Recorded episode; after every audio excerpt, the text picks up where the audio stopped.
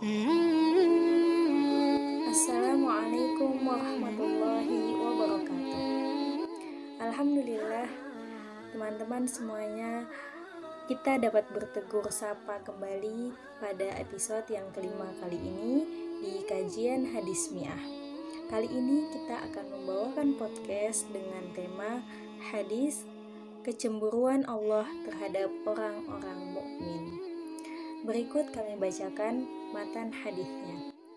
A'udzu billahi minasyaitonir rajim. Bismillahirrahmanirrahim.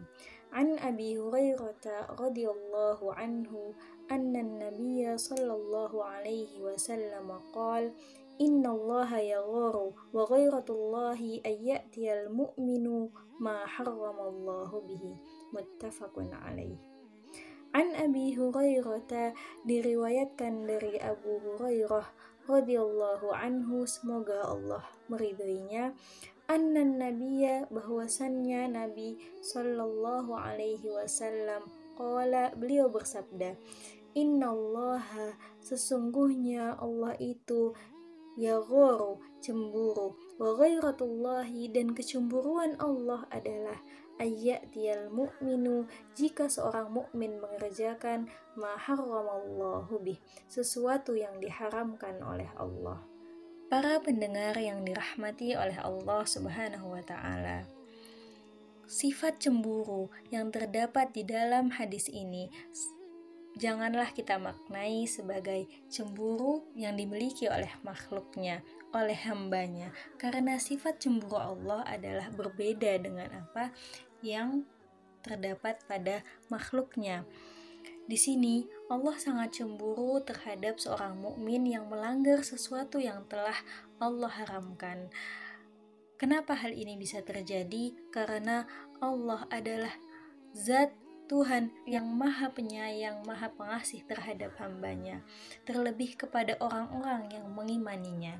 Untuk itu Allah sangat cemburu, Allah sangat marah, Allah sangat murka apabila seorang hambanya melakukan sesuatu yang telah diharamkan oleh Allah.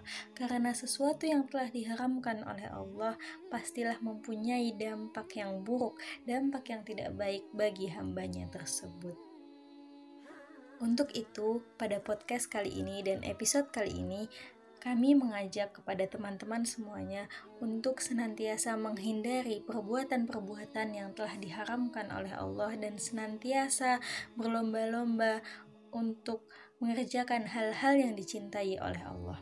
Karena apabila kita mengerjakan pekerjaan yang dicintai oleh Allah Subhanahu wa taala, niscaya kita akan mendapatkan keridoan dan juga cinta darinya, dari Allah Subhanahu wa taala. Dan apabila kita mendapatkan cinta dan ridhonya, maka segala jalan, segala tujuan yang akan kita raih akan dipermudah oleh Allah Subhanahu wa taala dan utamanya kita akan ditempatkan di sisinya yang terbaik di akhirat nanti. Para pendengar yang dirahmati oleh Allah, mungkin episode kali ini cukup kami cukupkan sampai di sini dulu. Kami ucapkan terima kasih kepada para pendengar yang telah setia mendengarkan podcast kali ini sampai episode kelima dan nantikan episode-episode selanjutnya. Mohon maaf apabila terdapat kesalahan.